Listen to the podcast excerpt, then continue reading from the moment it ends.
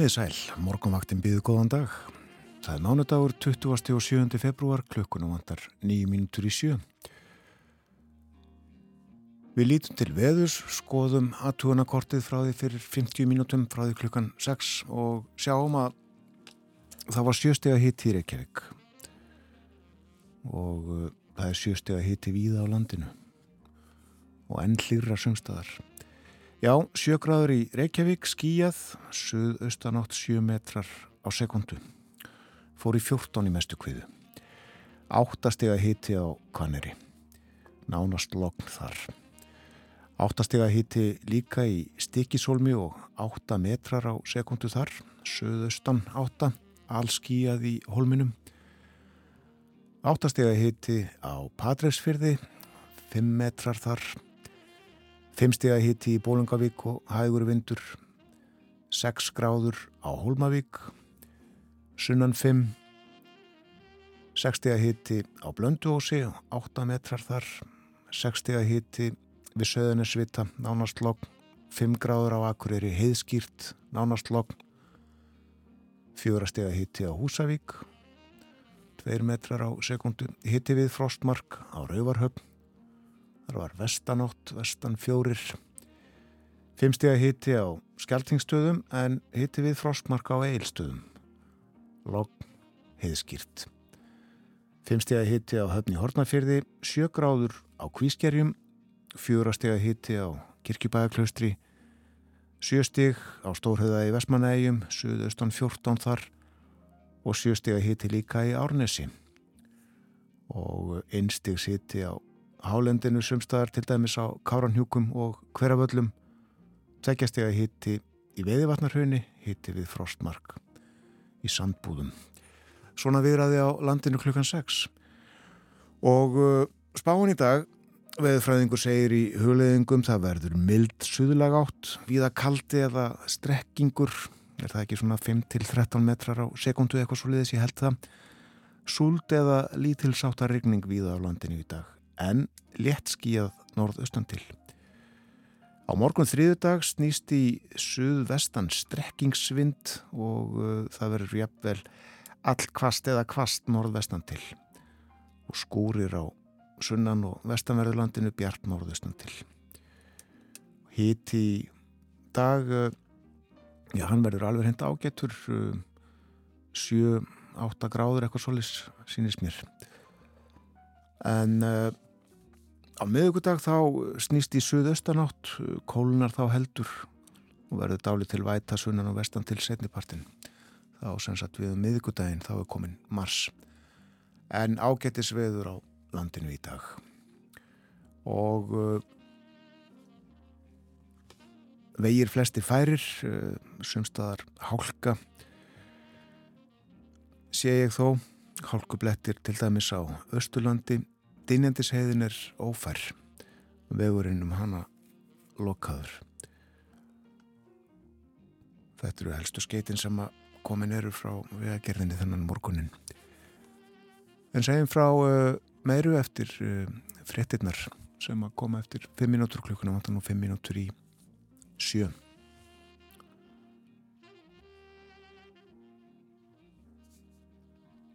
Á lögadaginn síðasta þá voru 80 ár síðan George Harrison Beatle fættist og hann fættist auðvitað í Liverpool eins og félagar hans í hljómsveitinni. Við dveljum nú ekki við sögu. George hlustum á eitt laga hans. Hér er Something af Abbey Road Beatlana frá 1969 George leikur á gítar og syngur Pólir á bassa einnig í bakrötum, Ringo trómarauðita og John Lennon spilar á píanóið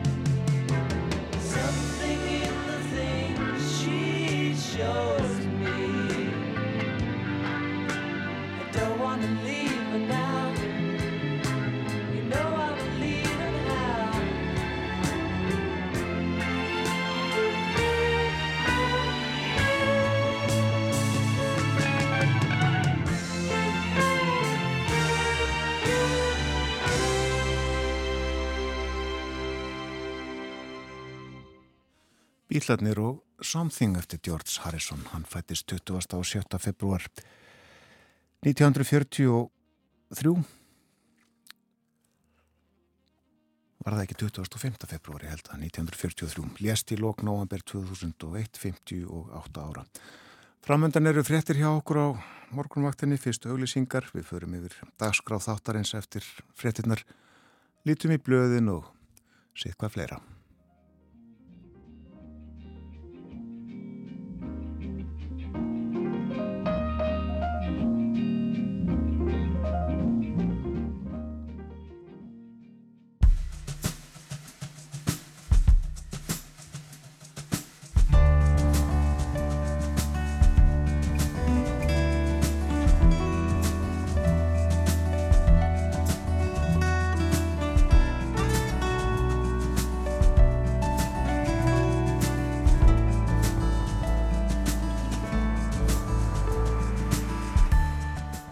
Morgumvaktin helsar og býðu góðan dag. Það er mánudagur 27. februar, klukkan er rúmlega 7. Umsjón með þættinum í dag hefur Björn Þór Sigbjörnsson. Og við fjöllum meðal annars um vegagerð, öllu heldur fjármögnun vegafrankvanda. Samgöngu bætur, hvort heldur er lagning nýra vega eða viðhald gamalla er yfirleitt meiri áttamál og það þótt oft séu um stutta og úrstýr gengna spotta að ræða. Allt er undir fjárframlögum frá ríkinu komið. Haraldur Bendiktsson, alþingismadur, hefur lagt til nýja leið til að greiða fyrir samgöngu bótum. Hann vil gera sveitafélögum kleift að annast við að gerða hluta og jáfnvel innheimta veðgjöld. Haraldur verður hér klukkan halv átta og segir frá hugmyndum sínum. Og eftir morgunfréttinnar þá likur leiðin á Suðugötunum með 41 í Reykjavík. Þar er þjóðmínjasafni til húsa. 160 ára afmælið þess var fagnað um helgina. Fyrstu árin hétt safnið Forngreipasafn Íslands en nafninu var breytt í Þjóðminjasafn 1911. Í safninu eru margir merkirmunir.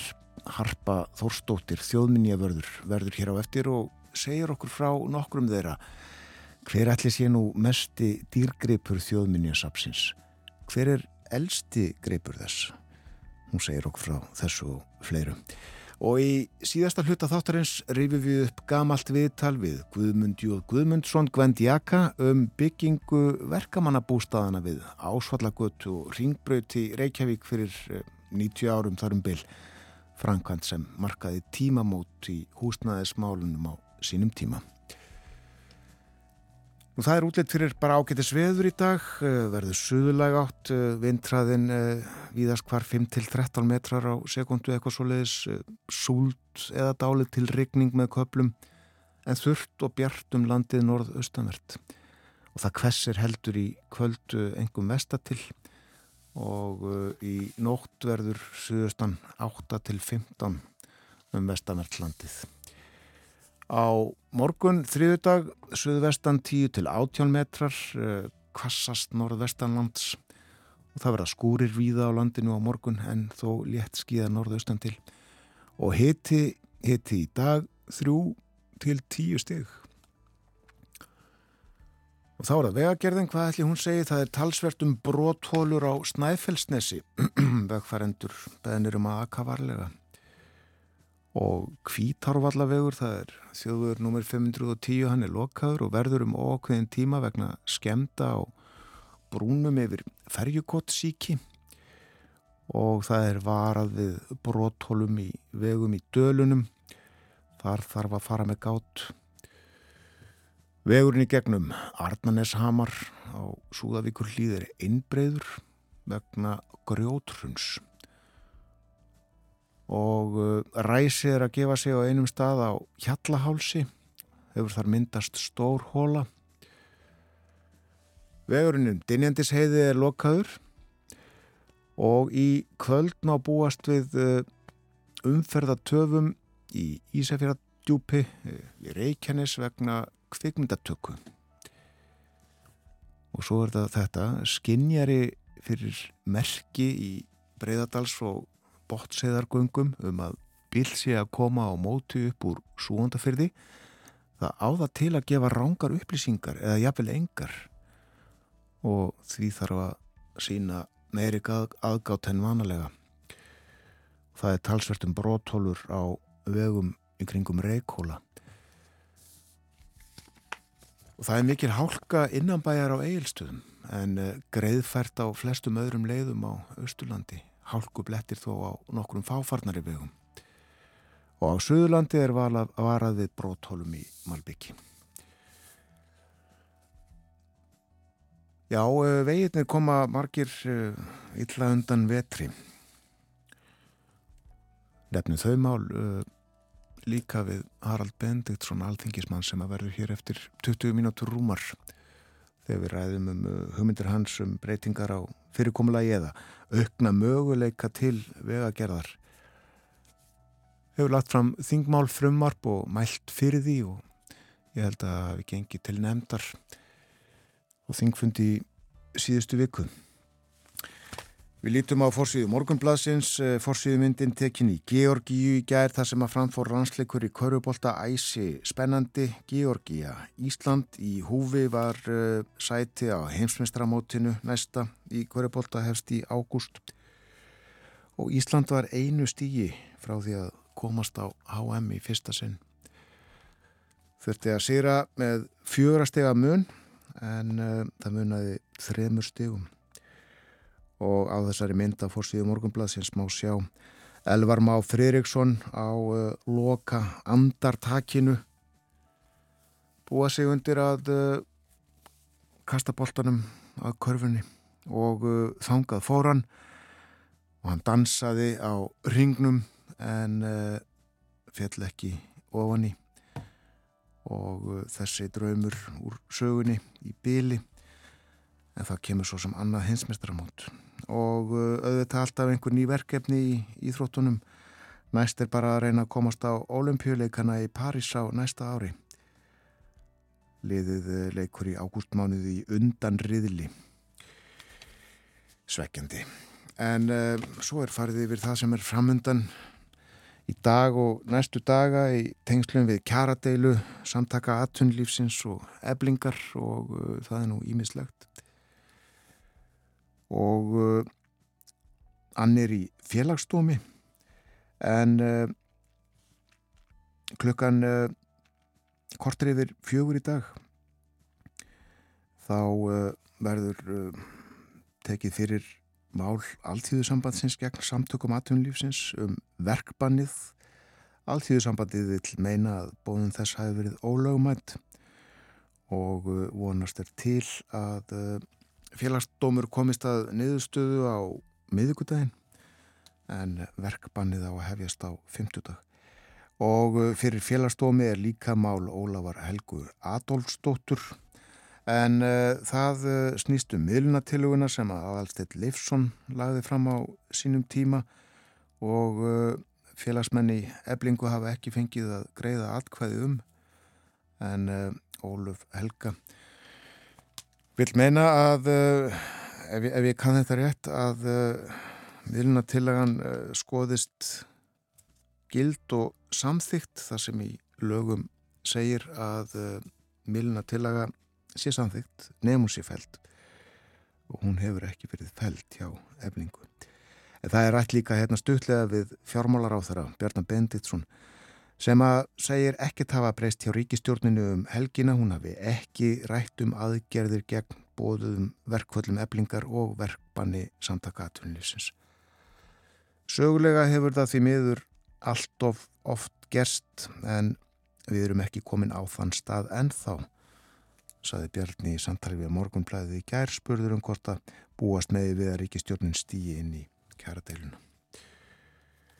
Nú svo er hérna aðtiklisverð frétt uh, niðurstöður þróunar og rannsóknarverkefnis virk um kulnun í starfi benda til þess að umtalsvert fleiri telji sig þjást af kulnun en myndu raunverulega falla í þann hópsangvænt skilgrinningu. Og áfram segir, þótt 58% umsækjenda um starfsendurhæfingu hjá félaginu eh, teldu sig þjást af kullun í starfi, fjallu aðeins eh, um 6% af nýri skilgreiningu alþjóða helbriðistofnarinnar um kullun. Og það er rætt hér við Berglindi Stefansdóttur, Hún er önnur tveggjast hálfræðinga sem að eh, standa að þessu verkefni og hún segir þarna eru við að tala um hóp sem hefur upplifað þetta í ákveðin tíma Við konumst kannski flestöld við þetta í törnum en síðan vindur ofanæði. Og uh, að endingu hér á forsýðu morgunbladsins en uh, bandariska orkumála ráðanettið hefur skipt um skoðun á mati sínu um uppbruna kórunverjunar og telur nú líklæra að hún hafi lekið af veirur ansóknarstofu frekar en að hún hafi þróast í náttúrunni og borist þaðan yfir í menn. Það var sagt frá þessu á vefrúfi gær og uh, kom fram að, að ný gögn uh, breyti uh, fyrri afstöðu stofnarinnar en leinið þjónustur nokkrar í bandreikinum hafa sett fyrirvara við þessa niðurstöðu eða álíktun og þetta byggt á veikum forsendum. En þykja ákveðin vatnaskíl því að þessi stopnun, þetta er nú ímist nefnt orkustopnun eða orkuráðunetti, e, þessi stopnun hefur eftirlit með uh, rannsóknarstofum. En uh, allríkisstopnunin, allríkis lögreglan bandaríska FBI er þeirra skoðunar að COVID með í reykja til sliss á kínverskri rannsóknarstofu en fjórar aðrar leini þjónustu stopnanir segja faraldurinn eiga sér náttúrulegar orsakir. Tvær stofnanir eru ekki vissar í sinni sög, þá vantar nú ekki stofnanirnar í bandaríkjunum og uh, niðurstuðunar alls konar. Við hugum að uh, öðru, uh, hugum að sögunni. Sjáum að 110 ár eru síðan svo þekta kona Kristólina Krag, hárgreifslust og kona opnaði stofu í Reykjavík, þetta var 20. og og 7. februar 1913 voru 110 ári gær þá stóð Kristólina á 30 en hún lærði fæið í Kaupnahöfn og auk hárgreðslunar eh, lærði hún hárkollugerð og hand- og fótsnýrtingu stofan hennar var fyrstum sinn á Klappastík 7 eh, flutti þaðan á Laufásvög 5 og svo í Östustræti 12 en árið sem að stofan opnaði auglisti Kristólina í vísi Hárlækningastofu hefur undirrituð opnað á Klapparstík 7. Þar fá menn og konur þvegið hársitt með ímsum livjum sem eigða flösu og stöðuva hárlós og sömulegðis algengan hárþvott, andlit strókur með gufu sem hreinsa, míkja og sletta hörundið. Óþægilegur hárvöxtur í andliti á dömum er tekinn burt. Manikjúr, petikjúr, hvern fólk og karlmenn losaðir við líkþorn. manikjúr er handsnýrting, pedikjúr, fótsnýrting. Og meðfram stofurrekstrinum starfaði Kristólína Krag við hárgreðslu og hárkollu gerð hjá leikfélagi Reykjavíkur og hún varð hárgreðslu mistari við þjóðlikúsi við stopnum þess. Og þá stóð hún að stopnun mistrafélags hárgreðslu Kvenna 1931. Gengdi þar formensku í 15 ár. Kristólína státaði af tillinum konungleg hyrð hárgreðslu kona. Og allir hún sé ekki bara svo eina sem að borð hefur hann? Hér, ég hugsa það.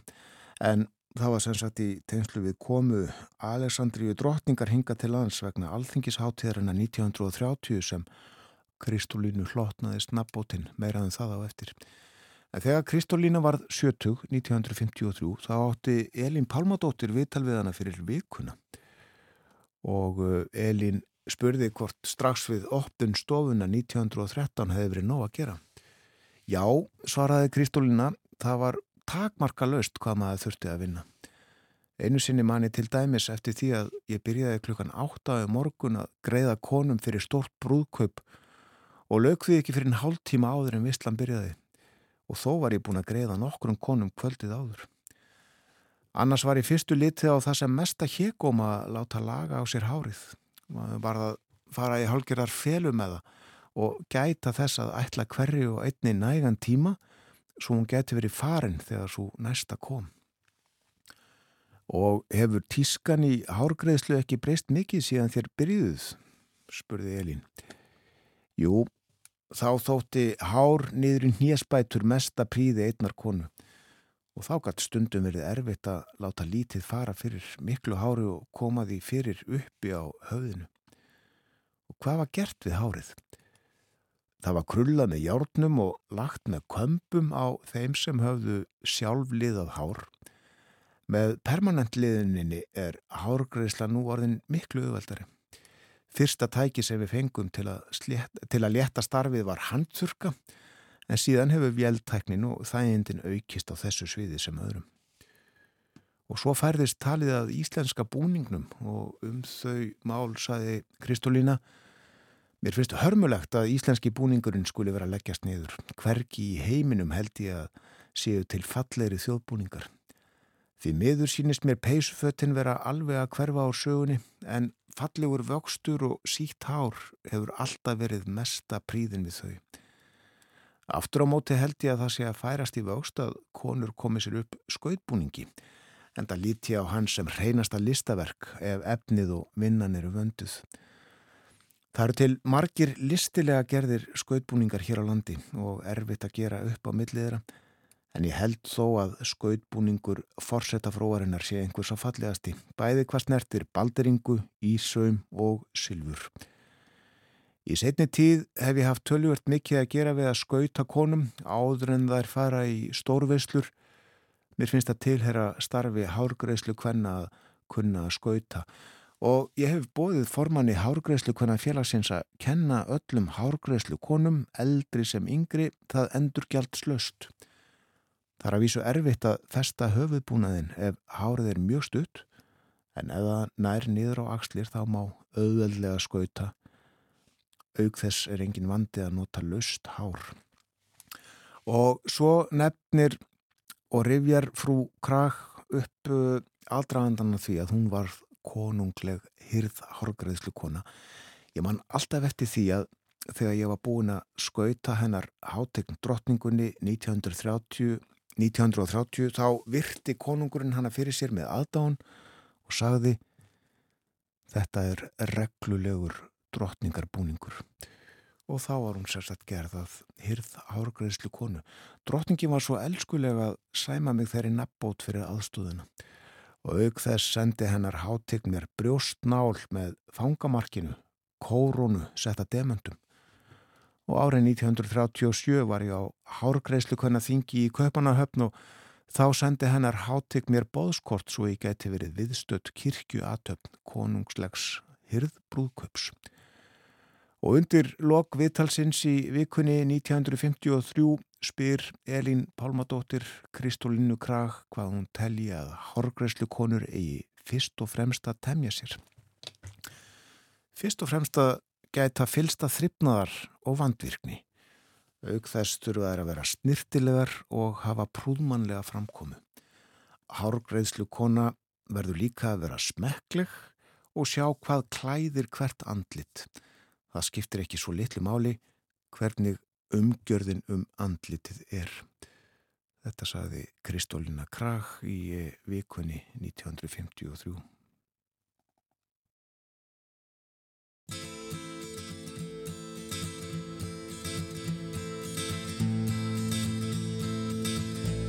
Ég staðið við gluggan Eittan tala. Um komandi harðari Nýstandi ég.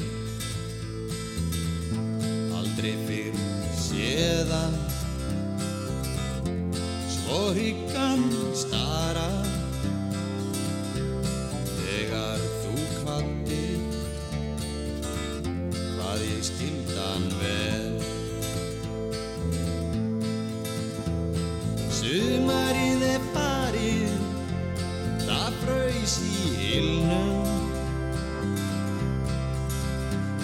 og hvitt lín kom fyrsti snjórin í nóg Þrestirnir dansa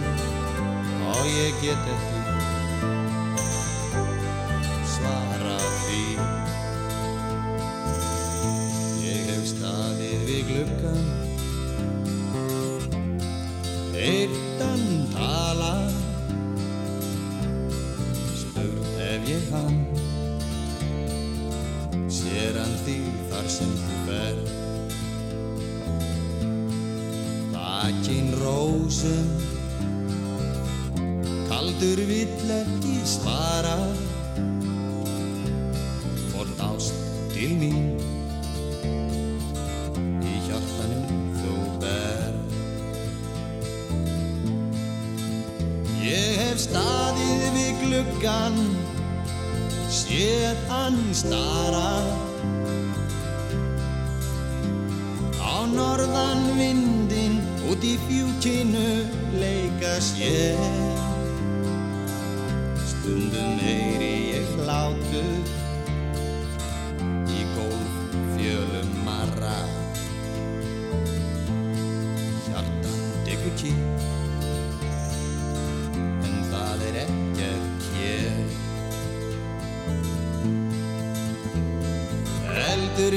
Arninum með seiðandi skugga spyr mig hvar er hún nóg sem var vön að haldum höfuð þitt og rugga þér blítt þar til allt var hljó og ég get ekki og ég get ekki og ég get ekki og ég get ekki og ég get ekki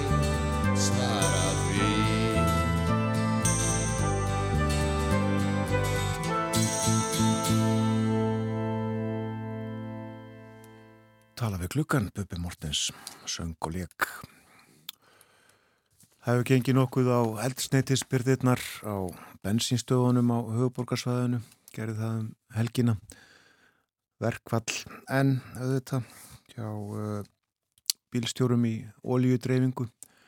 Ólís uh, byrtir á heimasíðu sinni upplýsingar um stöðmála á uh, hverri stöð fyrir sig og uh, merkir með litum raut þýðir búið, gullt klárast á næstunni, grænt þýðir nóg eftir og uh, það er nóg eftir uh, sumstaðar en uh, það er meira gullt í dag heldur um var fyrir helgi eins og gefur að skilja talsvert gullt og á uh, stöku stöð uh, raut díselið búið nú eða bensinið og uh, þetta var uh, sem sagt hjá Ólís, þar eru sínis mér hefur mér sínst ítalegustu upplýsingarnar um stöðuna og hverju stöð fyrir sig. En uh, hinn fjölögin veita líka upplýsingar um stöðumála hjá sér. Um að gera kíkja á þetta áður en haldið er á næstu bensinstöð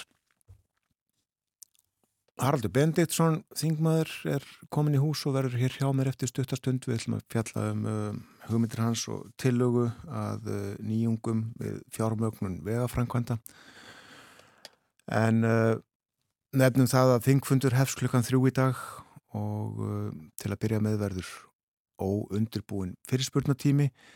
En uh, svo um, á eftir, um, hálf fjögur þar um byll, þá fer fram sérstök umræða í þinginu um mikla nótkun þunglindis livja á Íslandi í alþjóðlegu samhengi. Málsæfjandi er Berglind Ósk Guðmundsdóttir og helbriðisáþrann Viljum Þór Þórsson til ansvara.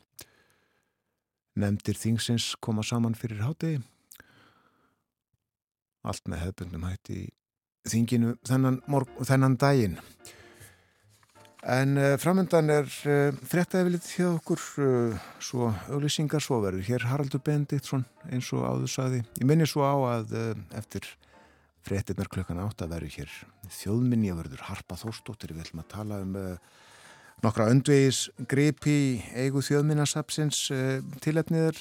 Sapnið átti afmæli á förstu daginn og fagnaði 160 ára afmæli sínu um helgina. Og hér melli hálf nýju og nýju þá heyrum við viðtal við Guðmundi og Guðmundsson, Gvend Jaka um uh, byggingu verkamannabústaðana í Vesturbænum 1930 þarum byll.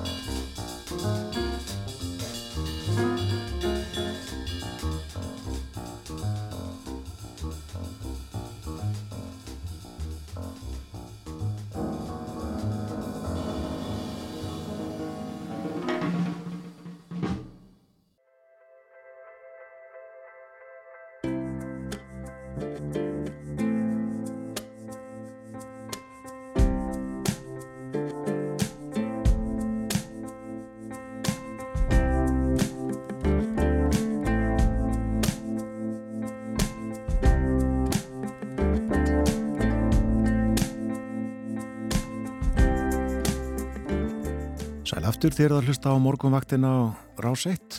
Það er mánudagur í dag nývinnu vika hafinn. 20. og 7. februar, næst síðasti dagur februar mánadar. Klukkan er réttliðilega halv átta. Og það verður ágættis veður á landinu í dag, hítin ég vil að tíu stigum eitthvað svo liðs og uh, bjart uh, víða, allavega framan af degi. En formleg spá er svona suðlag átt, uh, víða 5 til 13 súld eða dáli til rigning með köplum en þurft og bjart um landið norð-austanvert. Hvessir heldur í kvöld þá verður söðaustan 8 til 15 og hitin já að 10 stegum í dag og á morgun þriðu dag söðvestan 10 til 18 þá verður kvassast norð-vestanlands skúrir víða á landinu á morgun létt skíða norð-austan til.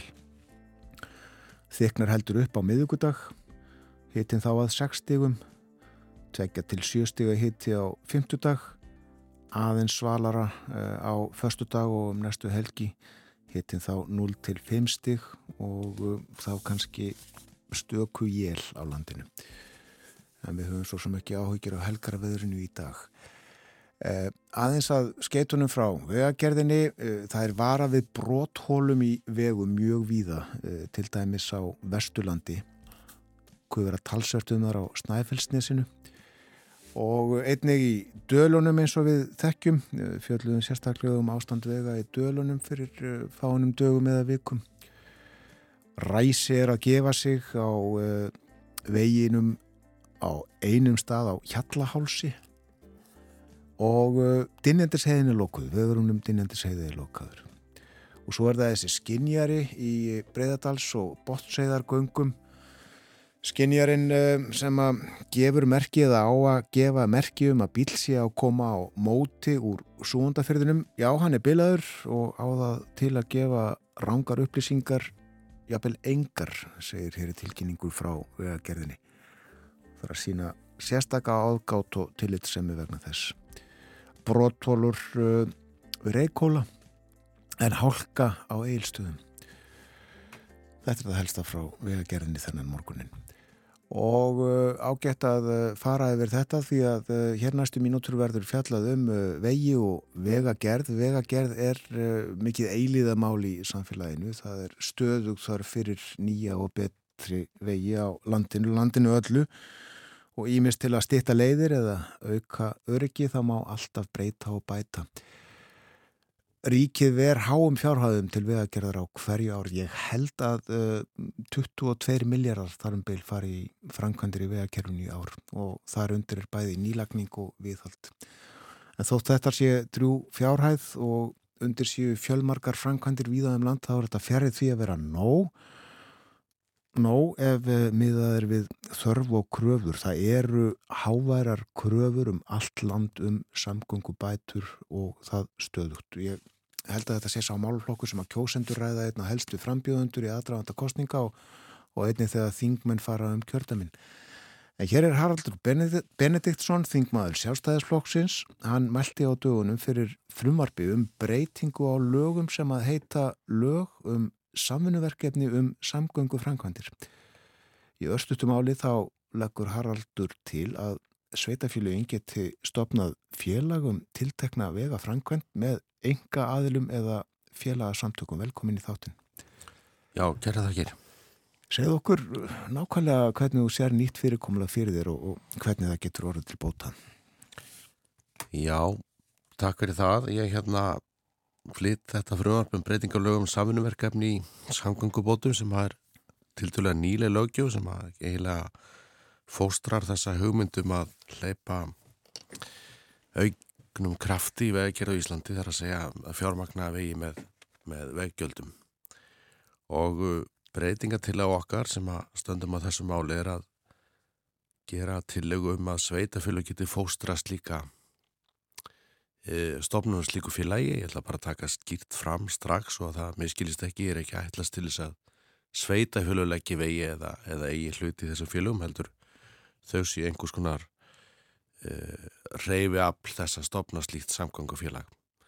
Sem stopna verði samgöngufélag um tiltekna veg framkvæmt, uh, það er þá uh, fórsenda fyrir samning við þið ofinbæra ef að tiltekin vegur er á samgöngu áallun, góð svona til 5 ára eða, eða eða 15 ára, það er svona kannski fjallar þingið um, er að segja viðkomandi frangvandir og samgöngu áallun og þá verði heimil til að gera samning við þetta félag um að byggja og reka veg og innhemta veggjöld og skila síðan veginum til ríkisins aftur í lok frangvanda tíma eða sem til lok þess tíma að, að veggjöldin hafa ásand framlagi af samgöngu áallun greitu framkvæmdina. Veggjöld eru algjör fósenda í þessu? Veggjöld eru, já, eru fósenda en, en ég er líka að raunverulega segja að ég, vegur sem er til dæmis líkur um Vastnes eða líkur um Skóaströnd getur held ég að mínu veit ekki staðið fullkomlega undir framkvæmdini bara veggjöldum heldur. Verður ofinbært samgöngu fyrir að koma þar til viðbótar. En með þessar aðferð þá trú ég að við getum flýtt framkvæmdini, þar að segja og þú segir, það er mikil óþrejum samgöngubætur, þetta er bara staðfesta ingangin hjá þér, það er fáttala við þingmenn og frambjóður annað en vegi út í hinnu dreifubíðum og það er mjög skiljanlegt, þú ert að lesa hérna upp ástand vegakerfisins. Og uh, þetta er uh, þetta er stóra málið alltaf, ég er búin að vera í landsmálapólitík í 10 ár og bændapólitík í 20 ár og þetta er nánast, þetta er alltaf málið. Þú fóst um landi veit ég fyrir fáinu missurum og, og kynntir þetta fyrir fólki og, og uh, þú nefndir uh, vegum Vastnesið, sko ég veit að þér var allavega ágætlega tekið í húnaþingi vestra að þú barst þess að hugmyndu upp þar á fundi. Uh, Við rættum við sveitastjórunum málið þar á sínum tíma en sko var það almennt þannig að, að, að þú fjast góðan hljómgrunn? Já, ég, hérna, þú er alveg fullir af það, var almennt þannig, við erum einlega að eh, fást við þar aðstæður að fólk uh, þrýstar á um frangvandir, þrýstar á um úrbætur, það er búið að setja á samgöngu áallun einhverja tímalínu, þetta á að koma 2026 eða 7 eða 8 eða hvað þetta er, en eh, fólki finnst að vera langt í burtu og auðvitað er það viðkvæmt þegar þú mætir með slíka hugmynd og segir výbúin ekki að þú átt að greiða vegjald og ég ætla ekki að kynnoka mig undan þeirri umræðu að þetta er svona uh, tví ekki að sverða mætin í umræðinu með svona hugmyndir. En á móti kemur að þú ert að uh, eiga við aðstæður þar sem að til dæmis hefur orðið mikil sprenging í komu ferðamanna. Uh, umferðum þess að vegi er eh, hefur vaksið mjög rætt. Þetta á að sjálfsög ekki við alla tengivegi eða stoppvegi á Íslandi, þessi hugmyndafræði, en þetta eru kannski fyrst og fremst vegi, sem að eru hafa umferða þunga núna sem að byrtist í fjölda bílalegu bíla uh, vaksandi og uh, er þar leiðandi kannski komin ykkur fótu fyrir því að geta farið þessa vegjaldar leið heldur en bara sér umferð af heimamönnum með íbúanum. Já. Íbúanir hafa þá móti að fá veginn fyrr endurbættan. Eh, Það kostar líka mikið að keira ónýta vegi og reyka bílinn sinn fyrir það. En eh, auðvitað er þetta allt saman viðkomin umferð og, og þess vegna kalla ég þetta samfélagsvegi þegar ég vil færa ákvörðina eiginlega heim í sveitafélagina, heim til samfélagana. Ég ætla sem þingmaður ekki að koma sér, þetta er alltaf lægi, þið getur lagt henni vega en þau verður bara að greiða veggjöld. Ákveði þetta sjálf, það er kjarni hugmyndurinn um samfélagsvegi og lagafröfumarsins sem að við fluttum að færa valdi til heimamanna. Þannig að sveitastóttamennir eða íbúarnir hafa ekki lengur bara þetta eina tæki að berja áfram þingmennina, heldur hafi líka einhver tæki sjálft í höndunum að þoka málum áfram. Sko, uh, það er eitt að, að uh, rukka ferðamenn fyrir að akka veginum vastnes en uh, það hljóma svolítið undarlega að heyra að íbúa þar þurfu að borga allar skreppin á kvanstokka. Já, ég er alveg, alveg hérna sammálið og það er nákvæmlega það sem ég var að segja. Það er það sem er viðkvæmt í þessari umræðu. Eh, Við þekkjum aftur á móti að, eh, að við höfum reynslu að veggjalda fyrirkomulegi til dæmis í kvalfæragöngum. Það sem að notendagjöld voru uh, hvað lægst fyrir þá sem að notuðu oftast eða, eða einlega byggu við þá frangvendi. Ég þekki það vel, ég, ég er einn af þeim. Uh, en uh, af því að þú heldur félaginu í þessari, þessu formi að sveitafélagin eru svona reyfiaflið að búa þau til, þá eiga þau að gæta hagsmun íbúan, en já, já, ég ætla alveg að viðkynna það, þetta er sérstætt að þurfa að greiða veggjald að fara heiman og heiman og, og hérna búa í sveitin en, en hvað átt að gera þegar þú segir við íbúana, heyrðu, þetta er alltaf lægi, vegurinn kemur 2030 Já. uh, fólkið býr þarna núna, það er að fást við þessa vegi núna, það er að fá ónæði að ferðamennum sem hafa lendi vandræðum af veginum og það býr sjálft við að þurfa að fara daglega til og frá skóla og svo frammeins ég þarf ekki að lýsa því öll en, þetta er leið sem að ég er að máta inn í umræðina og nú sjáum við bara, nú fekk ég að mæla fyrir málinu og nú sjáum við hvernig því verður tekið inn í þinginu Eh, við fáum vonandi umsagnir og, og hérna, þar að leiðandi getum við dreigið fram viðhorf til hugmyndarinnar. Já, það er ráðvert að fylgjast með því. Eh, Það var náttúrulega og er enn hægt að fara fyrir kvalfjörð og gast losna við að borga. Já, þú, hérna, Það er hægt að fara víkurskarðið og sleppa valið þegar gungunum. En það er engin annar vegur um Vastnesið. alveg rétt og það er e, eitt skulum við hafa í huga það sem að, hversan að staðséti þetta í þessum, þessari löggjöf e, við gerðum hérna e, samkomlega við Sveitafélag höfuborgarsvæðinu um e, tiltegna samgöngúrbætur svo kallan höfuborgarsáttmála og við setjum síðan þessa lögjum saminuverkefni þar sem að vera tiltengdar sex e, samgöngúrbætur til dæmis Ný Öllusorbrú, Hotnaferðarfljót vegur um öksi e, og uh, slíka framkvæmdir, nýtt kvalferðagang, göng einhver stöður, þess að tvöföldum þeirra. E, þetta er þessi viðkvæma veggjaldað umræða sem við erum að snert á e, og þá spyr þú réttilega, er þetta réttlættilegt nefn að þú hafi val um aðra leið? E, já, það er, finnst mér alveg val um aðra leið því að það er líka tímaspartnaður, það er líka spartnaður af því að komast veginn sem að er þá bundin slilla í ódýrari kostur. En ég líka hugsa um samfélagsvegin að það er að segja tengi veginn í sveitur sem ég er að horfa til e, sem e, frankandin verði líka til að auka upplifum ferðamannana, það er að segja að með þessari framkvæmd eru líka byggðir út síni staðir, áningastaðir ferðamenn e, og kannski aðri jákvæði þetta en að það gera þá eftirsókn að verða fyrir ferðamenn að aga um. Já, já, bara umræðanum veggjöld og heimamenn, það er, hún er sannlega viðkvæm, bara draugum hana fram, getur við brúðist við einhvern veginn, það má meira vera. Hverjus eru fyrir þeir að leggja fram peninga til framkvæmdana?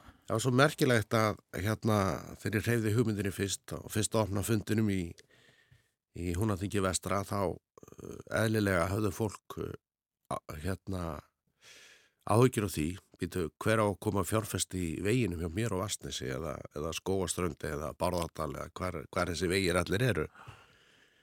Þannig að e, ég var ekki alveg e, blindur með það. E, þannig að ég allavega á fundinum sem við heldum segna inn í dölum í Stikkishólmi höfðum við með okkur áhuga samhaðala sem eru ekki þar að segja þeir eru ekki valdið til að fjárfesti þessum vegum heldur eru uh, að vinna með innviða sjóði, það er sem sagt fjárfestingasjóði sem að vilja fjárfesta í langtíma verkefnum með eh, hóflega ávöxtun fjármags, það er kannski mjög framand að heyra hóflega ávöxtun fjármags en þetta er nákvæmlega þannig. Hér eru starfandi fjárfestingasjóðir sem að vilja fjárfesti í verkarnum sem eru til langstíma og eru uh, það sem við getum kallað með stýrða ávöxtun, hvað sem þeir eru að fjármagna veitur eða, eða aðra svona grunninn við í landsins. Þannig að ég hef ekki áhugir á því og, og að það sé ekki áhuga samar að koma með fjármagn bæði til að lána og fjárfesta í,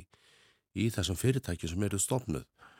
Skulum ekki heldur gleyma því að, að ferðarþjónustadalar eða, eða hreinlega fyrirtæki og viðkomandi svæðum gætu haft beinan haga því að fjárfesta í slíkum samgöngufélögum bara til að draga fram e, svona aukinn hagvöxt í, í viðkomandi hér að því til þess að sækja fram.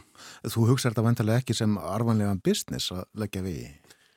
Nei, en ég ætla ekki að segja að ég sé ekki blindur fyrir því að þeir sem að láni peningana og fjárfesti í, með hlutafíð þessu verður ekki að fá viðnöndi ástun á sína fjármunni. Við skulum ekkert blekja okkur með því að, að það þurfi að fólk vilji ekki bara brennu peningana sína en, en Ég er allavega með ágætta vissu fyrir því að það séu til áhuga samir aðalega hér á Íslandi sem að vilji leggja þetta fjármagn eh, og eh, horfa til mjög langs tíma í sem að þessi verkefni verða alltaf 15-20 ár. Já, sko hvar mun skipularsvaldið liggja og hver mun ákveða hvort ráðast eigi í tiltekna frankandið ekki? Já, það er þannig búðum hlutan að uh, skipularsmálin er náttúrulega alltaf hjá sveitafélónum. Það er svona að leika þau stórt hlutverk í þessu. Uh, hvernig við röðum síðan inn til framkvæmdana uh, er ég að horfa til samgögg áallunar. Þannig ég er bara að segja, þingið hefur sagt með þingsáleitun tiltekinn vegur er komin á samgögg áallun. Hann á að vera árið 2030 eða hvenna sem það nú er og það eiginlega opni þá miðan fyrir það að uh, sveitafélag auðkomandi svæði, hvort sem það er eitt eða fleiri, getur komið til ríkið sem sagt, heru, við höfum áhuga að láta reyna á hvort að séu fórsenda fyrir að flýta frangvandinu með því að stopna samgöngufélag. Þannig að þá er fórsendan svo að vegurinn sé þegar á samgöngu állun. Ég er ekki að auka útgjöld ríkisins með þessari hugmynd, þetta eru, út, þetta eru þá fjárfestingar eða frangvandin sem ríkið hefur þegar ákveðið að ráðast í. Ég er bara að reyna að flýta því tíma en ég er líka að vega saman veggjöld og fjármaks samgöngu állun að ég ætla að vera svo gróur, ef ég má bara orða þannig að uh, vilja spara ríkinu fjármagni að leggja vegi. Það er að segja ef að umferð er meiri, ef er meiri að nota þessa vegi og við getum innheft herra hlutvallu með veggjöldum að þá losni þá um þess að fara þá í aðra fáfarnari vegi í viðkomandi héradi sem að sannlega þurfa úrbætur. Að þetta eru samstarfsverkefni sveitafélaga og eins og ofenbæra. Hvernig er vegum annars og framkvæmdur raðað inn á uh, samgöngu áallin? Sko, er, er hægt með einhverjum hætti að meta mikilvægi uh, framkvæmdar með einhverjum tiltöknum mælikvörðum eða, eða snýst þetta um bara uh, hver er frekast í þingmaðurinn? Nei, þetta er ekki, ef það veri bara það þá myndi margt vera öðruvísi. Hver er verið frekast ekki? Nei, þetta eru um mikilvægi framkvæmda, er út frá umferðartalningu og, og síðan eru uh, einhver önnur sjónamið þarna bakvið sem að ekki bara einhver önnur heldur, það er einhver byggða að þróast, það er hafa komið fyrirtæki og við, að, kannski hótel eða, eða önnur þjónasta sem að líka hefur verið að grípa en, en uh, við höfum haft uh, samgöngu áallun sem er í 5 ára áallun og síðan 10 og svo 15 ára uh, tímalínu og það er kannski fyrst og fremst 5 ára áallun sem hefur verið svo áallun sem við höfum verið að hérna, vinna með sem er þá framkvæmt áallun vega samgöngu áallunar en uh, með þessari hugmyndafræði nú reynir svolítið á hvað samgöngunum þingsins vil gera í þessu. Ég segi 15 ára áallun en það má vel vera að menn vilji einhvað endur skoða það en á ekki þingið að meina það sem hann segir og, á ekki e, þá fólkið út í þessum héröðum að segja, heyrðu, þeir eru búin að setja þannig inn, megum við ekki bara flýta þessi tíma. Já, já. Og þetta eru þau svo kallar enga framkvæmdir. Þetta eru, já, það, þú getur kallað þetta enga framkvæmdir en við erum að setja sveitafélugin hérna við stýrið, ekki til þess að fjárfesta, ekki til þess að eiga, ekki til þess að reka, heldur til þess að halda kannski e, svona utanum hagsmunni samfélagana, fólksinsins sem að hérna þarna búa. Ég lærið það þegar ég stóð fyrir ásand fleirum að ljóslegar að veða íslenska sveitir að þegar þú færðir heimamannunum svona tækin og tólin þá fættust hugmyndir sem gerðu framkvæmdina ódýrari og skilvirkari. Ég held að við getum gert það alveg það sama því að laga í sveitum. Við höfum góða og slæma reynslu á þessu. Gekk vel til ykkur kvalfjörðaganga en, en síður uh, norður í vaðalaheiði.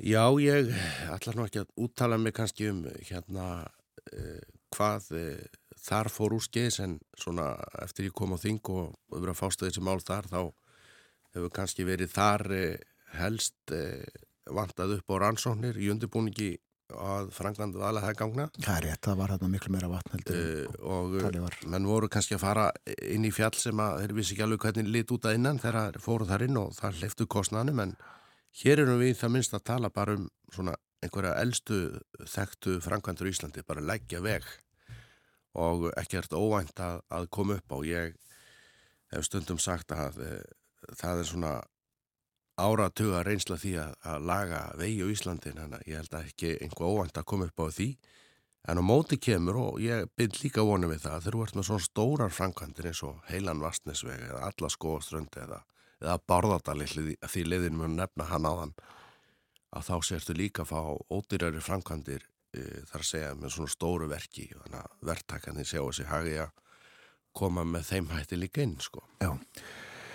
Já, það er ekki gott ástand á vegunum núna eftir vetturinn. Eh, ja, hann er nú ekki búinn svo sem sko, en, hérna, eftir februar getur við sagt. Nei, ég, hérna, ég veit það, ég er svolítið út á þessum vegum og, og svona, svona tíðafari eins og núna er náttúrulega alveg ræðilegt ástand sko þegar við erum að miss, missa frost og jörðu á þessum tíma og, og klæningar er fara mjög illa og vegir er fara gríða illa. Erum, Er þetta heldur óhjákvæmilegt eða erum við ekki alveg nógu góðið að gera vegi?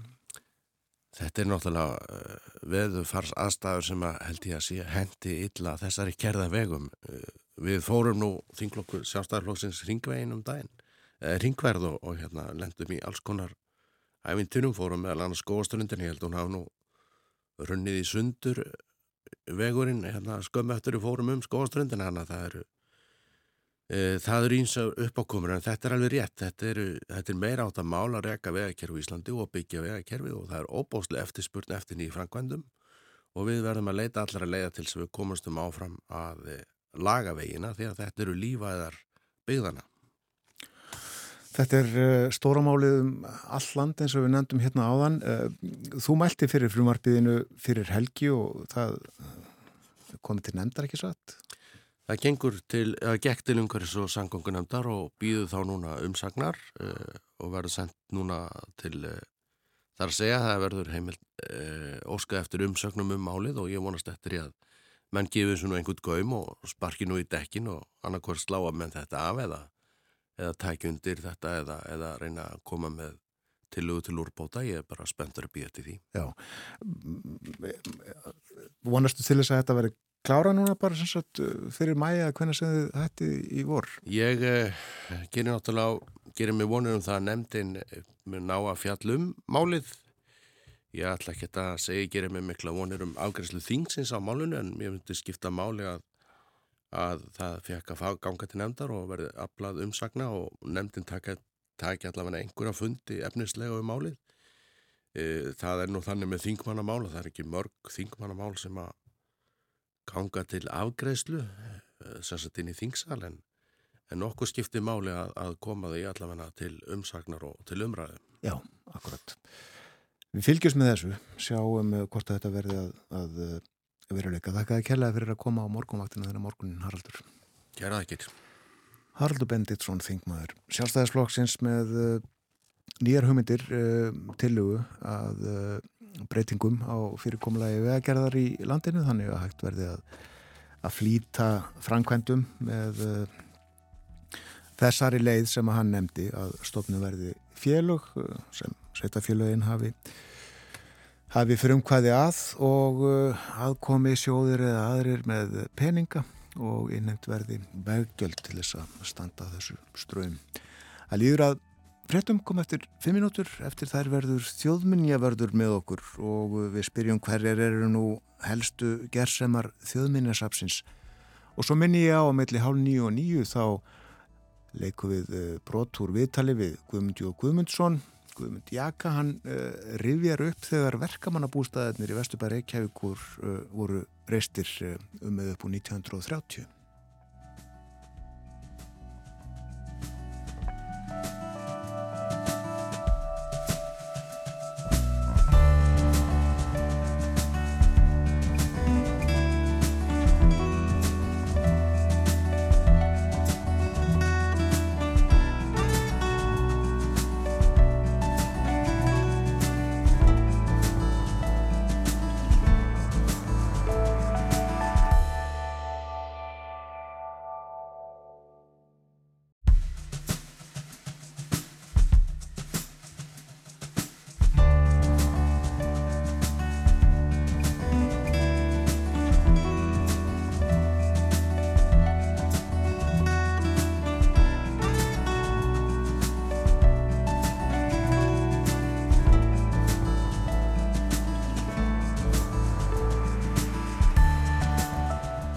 Sæl aftur þegar það hlusta á morgunvaktina á rás 1, það er mánudagur klukkan farin að ganga 9, 20. og 7. februar í dag. Haraldur Bendiktsson alþingismadur var hér áðan við uh, fjöldluðum um hugmynd hans og uh, tillugu sem kominni fram í frumvarfi um uh, breytingar á fyrirkomulegi vegagerðar. Það er að segja að hann vil opna á heimild eða möguleika sveitafélaga og að stopna félög utanum tilteknar vega framkvæmdir, nýlagningu eða úrbætur á eldri vegum nægur þörfin og uh, sér fyrir sér að uh, samfélagssjóðir á borðið sjóð sem að lífyrirsjóðinni standa að uh, komi að fjármögninni og móti verði innheimt veggjöld. Þetta mál til umfjöllunar meðferðar í þinginu. Svo veki aðtikli enn og aftur á því að hér á eftir þá leiku við viðtali eða brotur viðtali sem að Guðjón Friðriksson átti við Guðmundi og Guðmundsson, Gwend Jaka formann dagsbrúnar og verkamannasambandsins á sínum tíma. Viðtal frá 1984 Það rifjar upp ennsku sína í Reykjavík og kaplinn sem við ætlum að hlusta á eftir hann fjallar um byggingu verkamannabústaðana við, við Ásvallagötu og Ringbröti Reykjavík. Merkileg framkant á sínum tíma breytti miklu í húsnæðismálum landsmanna. En nú hugum við að uh, öðru 160 ára afmæli þjóðmínasapsins var fagnað á sapninu um helgina. Og ég leitar við í hátteginu í gær þá var þar talsverður fjöldi fólks og ég gerir ráð fyrir að margir hafi heimsótt sapnið um helgina. Hér er þjóðmínjavörður Harpa Þórstóttir velkomin. Takk fyrir. Komu uh, fleiri um helgina en vanalegt er?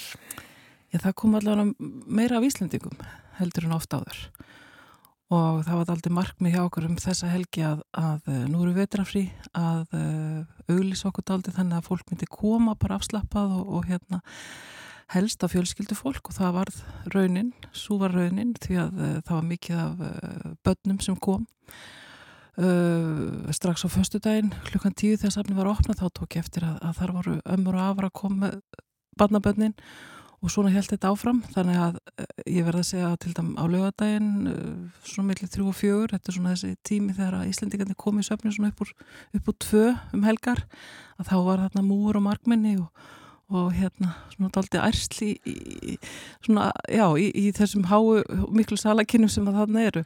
Þannig að við fengum tæpla 2000 manns auðvitað líka erlenda gesti en, en meiri hluti voru, voru Íslandíkar. En eru erlendi ferðamenn duglegir að heimsækja samnið? Mjög duglegir. Þetta er oft hannig að ef að uh, fólk er að koma ja, í skiplum hópum þá uh, fer það allavega á eitt safn, ef ekki tvö og þá er það yfir þjóðminnsafni sem að verður fyrir valinu af því að þar eru við með þessa sögu þessa svona okkar uppruna og, og, og segjum frá ímsum aðtökum svona framtíðin svona já, kannski ekki alveg nútíma en, en svona útskýrum aðeins betur hvaða þjóð þetta er sem við erum. Þannig að við erum svo heppin í rauninni þjóðminnsafn að vera þetta safn eins og svo mörg þjóðminnsafn uh, hjá okkar nágrunum. En Marta óinlegt um helgina blöður í andirinu og uh, talsverð ærsl. En það er hægt að tala um margt í tengslu um þjóðminnsafni. Mér langaði til að tala sérstaklega um nokkra munið þess að gripi og, og Ég spyr bara stort, hverjar eru helstu gersemar þjóðminnasamsins? Já, þegar stort er spurt.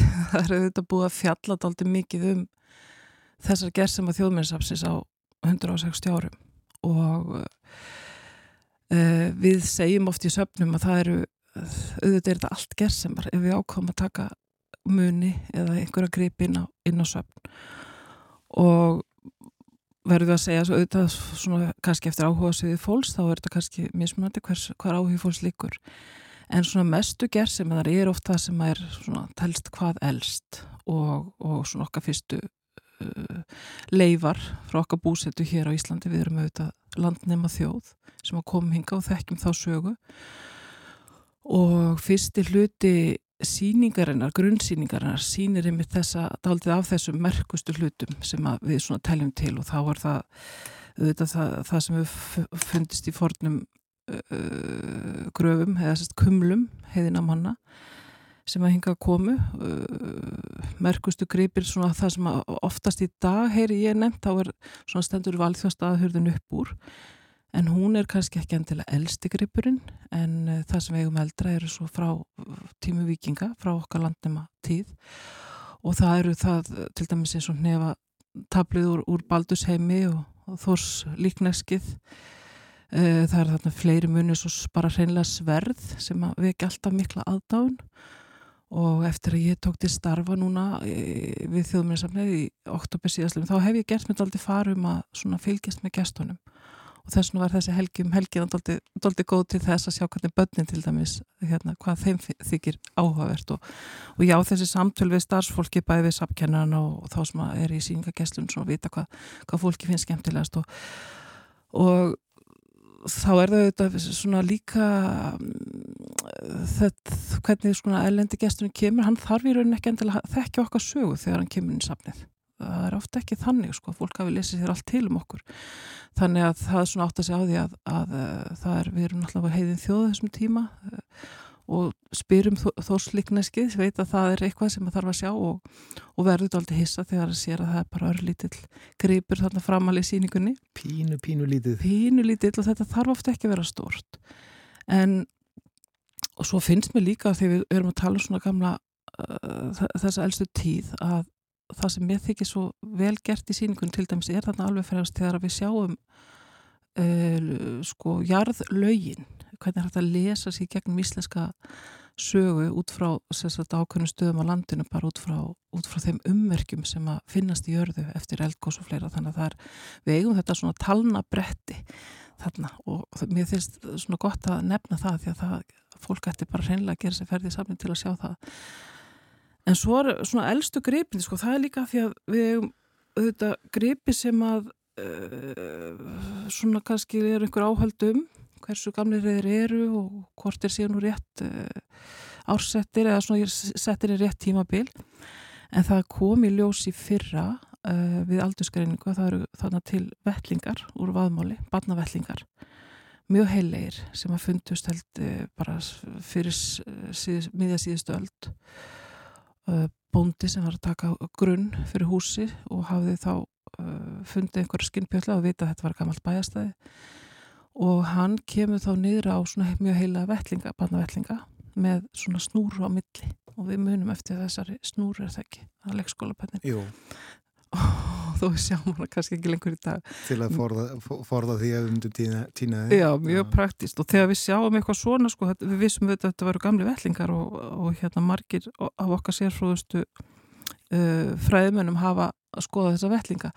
En svo við aldurs, aldursgreiningu að þetta eru lífrænt efni að þá kemur í ljós í raunin að þetta er bara frá allra fyrstu tíð, þetta er bara frá tímum landnáms þessir, þessir vettlingar, þessir barnavettlingar þannig að það er í raunin mjög merkilegt að við sjáum bæði það að þetta er auðvitað textíl, þetta er efni sem var að veiti stilla hjá okkur en þarna voru aðstæður það góðar og það er hægt að draga út skúfu þarna á, á, á hæðinni á síningunni og sjá þessa vellinga. Mér finnst þetta auðvitað mjög merkild og ekki síst þetta band, hugsaði hvað, hvað þessi spotti hérna vekur ímsar hugrenningar hjá nútímamanninum að, að, hérna, að svona það vildi engin tína vellingunum sínum Akkurat, hvorki landnemanni nútíma fólk. nei, ymmit, ymmit.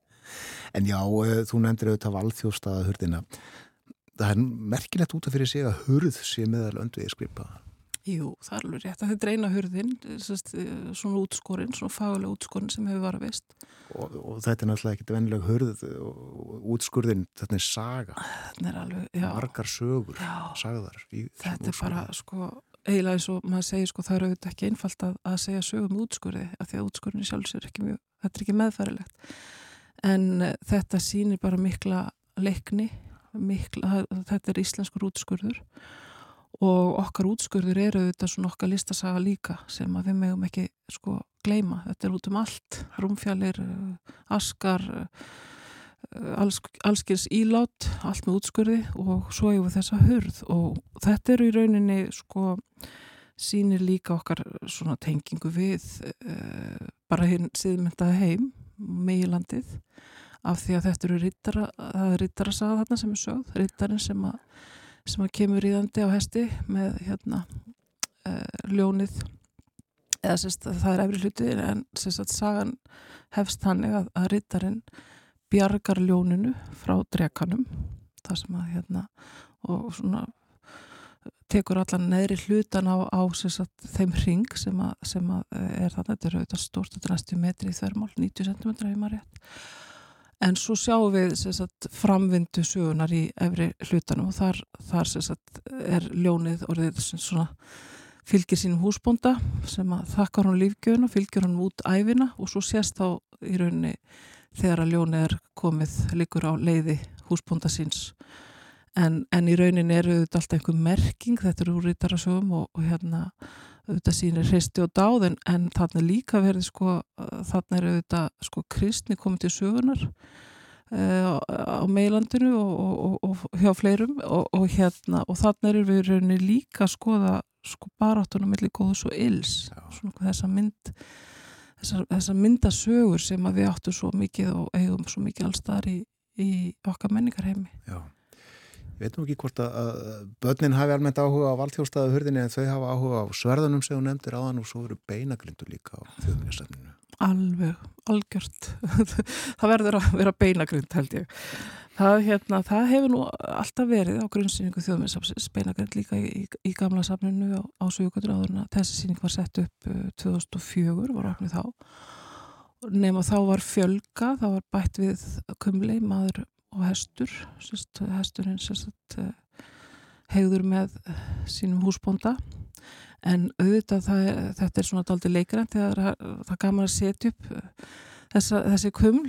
Það, þau liggja þarna í sínu skeljasandi og, og hérna hægt að gefa, gefa sér góðan tíma að, að bæði að, að velta fyrir sér hver, hvaða fólk þetta var nú eiginlega. Og það hafa sko, til dæla nýlega, rannsóknir sína að, að uh, konukumlið, sérst frá Hafi Bjarnastöðum, þetta er, þetta er á miðnesi hérna við, upp, upp á heiði og Reykjanesi uh, að hún hafi verið alveg keltnesk á uppruna þannig að það er líka áhugavert að nú erum við að sko fann að skoða betur hvað við komum og hversu, hversu fjölbreytt samfélag þetta hefur verið svona í, í örðum hér. En já, uh, elsti uh, gripurinn vettlingar, barnavettlingar bara frá fyrstu áru landnáms að því talið er. En nýjustu gripirnir á þjóðminnarsafninu, þeir eru bara frá þessari öld á hæðinni fyrir ofan á síningunni þjóðverið til, ekki satt? Jú. Já. Það er svolítið skritið, þjóðminjar og farsými. Já, það er bara stoltið merkilegt að því að við erum auðvitað alltaf einhvern veginn að sko uh, ég tók eftir í gerði mitt að því að það var aðnað faðir sem gekk um með, með dóttu sín og ég heyrði hann gekk beint inn í salun og sagði sjáðu allt sem er henni hérna í kringu þetta er allt gamalt sagði með miklu, mikil áherslu. Og í raunin er þessi tími sem við sínum hann að efrihæðinni, hann er orðin, orðin gamal okkur finnst hann að við vera nálátt okkur þegar við sjá minjar sem við þekkjum. Uh, færibandi fræga sem er hann að síðasti staður um viðkomistæðurinn á, á sjálfur grunnsýningunum þar eru við náttúrulega með farsíma og við erum með jafnvel óleittu próf og það eru þarna uh, eldgömmul svona fyrst, fyrsta engatölvan far, ekki fartalva segi, heldur engatölva það þekktist ekki þá og það minnir okkur auðvitað og við erum alltaf vakandi yfir í rauninu okkar minnjum samtímas mm. en kannski ekki þá, þann hátt kannski við getum sapnað öllu, ég verð nú einhvern veginn að segja að við getum auðvitað ekki sko, við erum ekki kannski þessi sapnar en það verður að vera ákveð merking og, og við reynum að auðvitað varveislan verður að fara þannig fram að, að það sé eitthvað viti í því og við séum ekki að sapna því sam og næsti og við, það, hér eru mörgsöfn þannig að það sem að hjálpar okkur auðvitað líka er eh, er að, að við eigum svona sameilegt svona sameilega samfunnaskrá sem heitir Sarpur sarpur.is og margir þekkja. Og þar er hægt að sjá hvað önnusöfn er að sapna en þjóðminnarsafna auðvitað bæði svona setur á stað verkefni til að sapna samtíma munum og þar er ekki síst uh, spurningaskrar það eru þetta sko munir og svo bara hreinlega uh, vittneskja eða, eða sagt, bara heimildir um um okkar líf í dag. Og þar eru þetta áhugavert að nefna þetta fjölmenningarsamfélag sem við hefum okkur ber umverulega að, að uh, skrá það og átt okkur á sérstöðu þess eða því sem við kannski getum ekki alveg átt okkur á því að við erum hér búin að vera hér svo lengi hvernig bara þessi, þetta land tekur á móti móti okkar, okkar nýbúum okkar, okkar nýja fólki. Þannig að þarna erum við kannski að sjá uh, eitthvað sem er ekki eins sínilegt á síningun en, en okkur langar nú að fara að sína alltaf þessum gripum sem svona Svona, eru nýkomnir inn í safnið. Þetta er auðvitað eru oft mjög gamli gripir líka. Fólk er að gefa og er að, er að fara í gegnum dánabú og fleira og, og, og leita til okkar. En mér þótti áhugavert að sjá til dæmis að um, nýlega voru okkur bóðunar jólaskeiðar sem við munum öll eftir eigum og erum að nota. Þetta eru auðvitað svona, þetta eru þetta eru auðvitað uh, hann er bæði hérna handverk og saga og ímislegt sem að hérna og, og svo auðvitað það sá síður að, að hérna, nota sitt allra fínast að taka upp, upp silfrið á til hátíðabriða en, en það er svona að því að kannski fyrir 20 árum þá hefði þjóðminn sem ekki kannski verið að leitast eftir að fá þessa jólaskiðar en allt skilur þetta sér einhver leiti vonandi.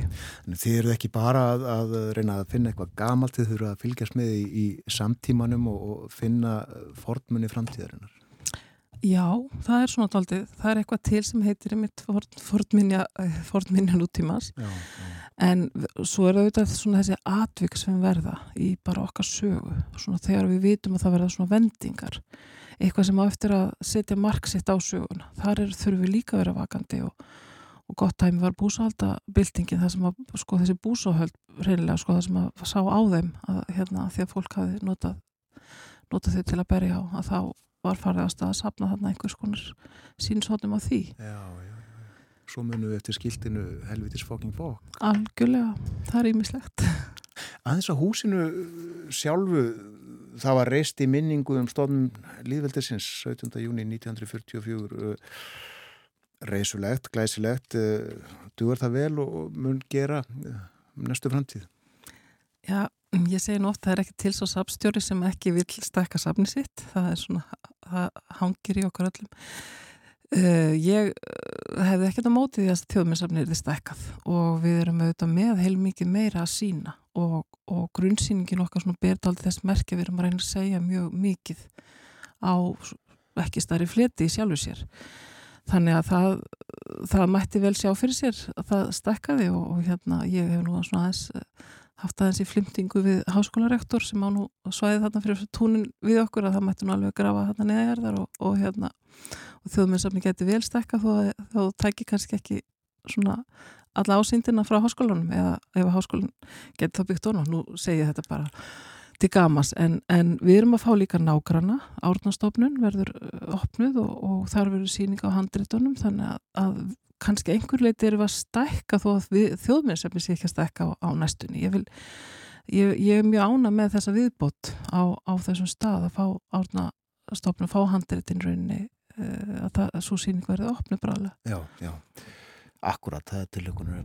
En, uh, já, svo eru þetta uh, gamlir munir, hús, torbæir um alland. Já, og þar tegir starfsemi þjóðmennsafsins sig svona raunverulega um alland. Við eigum um, um 8-10 hús eða mannvirki á, á 40 stöðum. Stundum er þetta bæir og svo út í hús og fleira, þannig að allt helur þetta. Og þetta eru auðvitað torfhúsin sem við þekkjum öll, bæði kirkjur og, og, og bæir og, og þessi út í hús. Uh, en svo er þetta líka uh, timburhús og steinhús og hús sem hafa merkingu, pakkhús uh, og fleira sem að svona hafa þjóðminnsafni hefur svost eftir að, eða, eða hreinlega bara bjargað á, á, liðnum, á liðinni tíð. En svo sjáum við þetta að, að það er svona líka oft þegar hús eldast þau verða svona kannski bakki í augum einhverja þá er svona reynda að leita til til þjóðmennsamsins eða, eða ríkisins og þetta eru svona mál sem við þurfum að fara að skoða þess betur og kannski meiri svona marka okkur betri stefnu hvað þennan uh, þessa varveislu varðar. Þegar þetta búið að uh, rýfa allt og mikið í rauninni og skemma. Jú, jú, við, ég bara verða að segja það, til miður. Já, við höfum ekki lengra í dag að hafa gaman að fá því einhvað í þáttinn þennan morgunin svona í tilefni af 160 ára afmæli þjóðminnarsapsin sem að hitt uh, fyrstu árin Ford Gripasafnið? Gripasafnið, já. já. Það bara var það lýsandi orð þess tíma. Já, en frá 1911 held ég að sé sem að við höfum talað um þjóðminnesafn. Kæra þakki fyrir að koma að harpa þóstóttir þjóðminnevörður. Takk fyrir mig.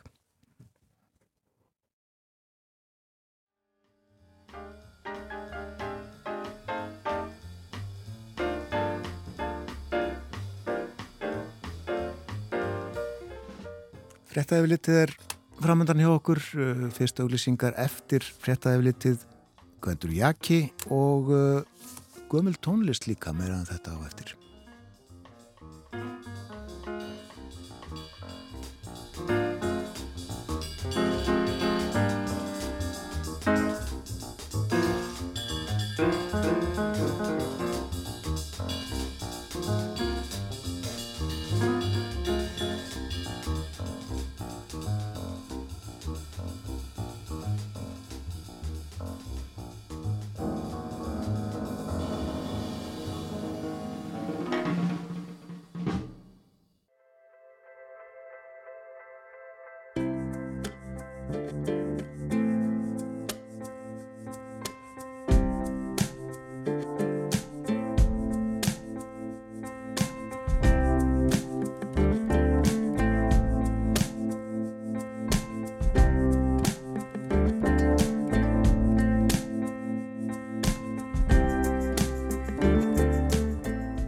Nýtt er það að hlusta á morgunvaktina á rás 1 klukkan réttliðlega hálf nýju, það er mánudagur í dag 20. og 7. februar og það verður ágættis viður á landinu hitin að tíu stigum eitthvað svo liðis, það verður bjart á norðausturhorninu, mun sólinn skína skert ef spáinn gengur eftir vindfræðin kannski að 10-12 uh, metrum eitthvað svo liðis, má búa svo við uh, regningu sumstaðar uh, með söðuströndinni setni partin í dag og hætta á einhverjum skúrum svona hér og þar.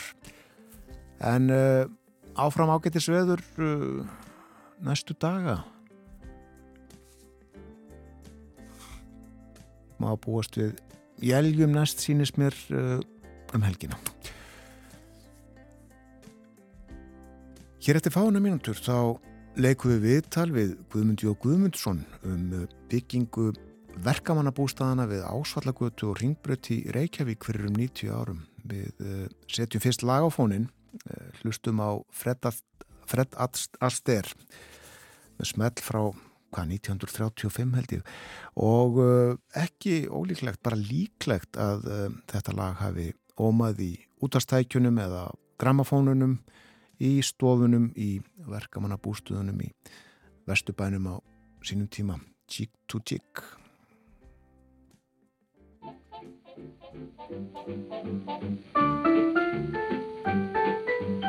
Heaven, I'm in heaven, and my heart beats so that I can hardly speak, and I seem to find the happiness I seek when we're out together dancing cheek to cheek. Heaven, I'm in heaven, and the cares that hung around me through the week seem to vanish like a gambler's lucky streak when we're out together dancing cheek to cheek. Oh, I love to climb a mountain and to reach the highest peak, but it doesn't thrill me half as much as dancing cheek to cheek. Oh, I love to go out fishing in a river or a creek, but I don't enjoy it half as much as dancing cheek to cheek. Dance with me, I want my arm about you, the charm about you will carry me through to heaven. I'm in heaven, and my heart beats so that I can hardly speak and I seem to find the happiness I seek when we're out together dancing cheek to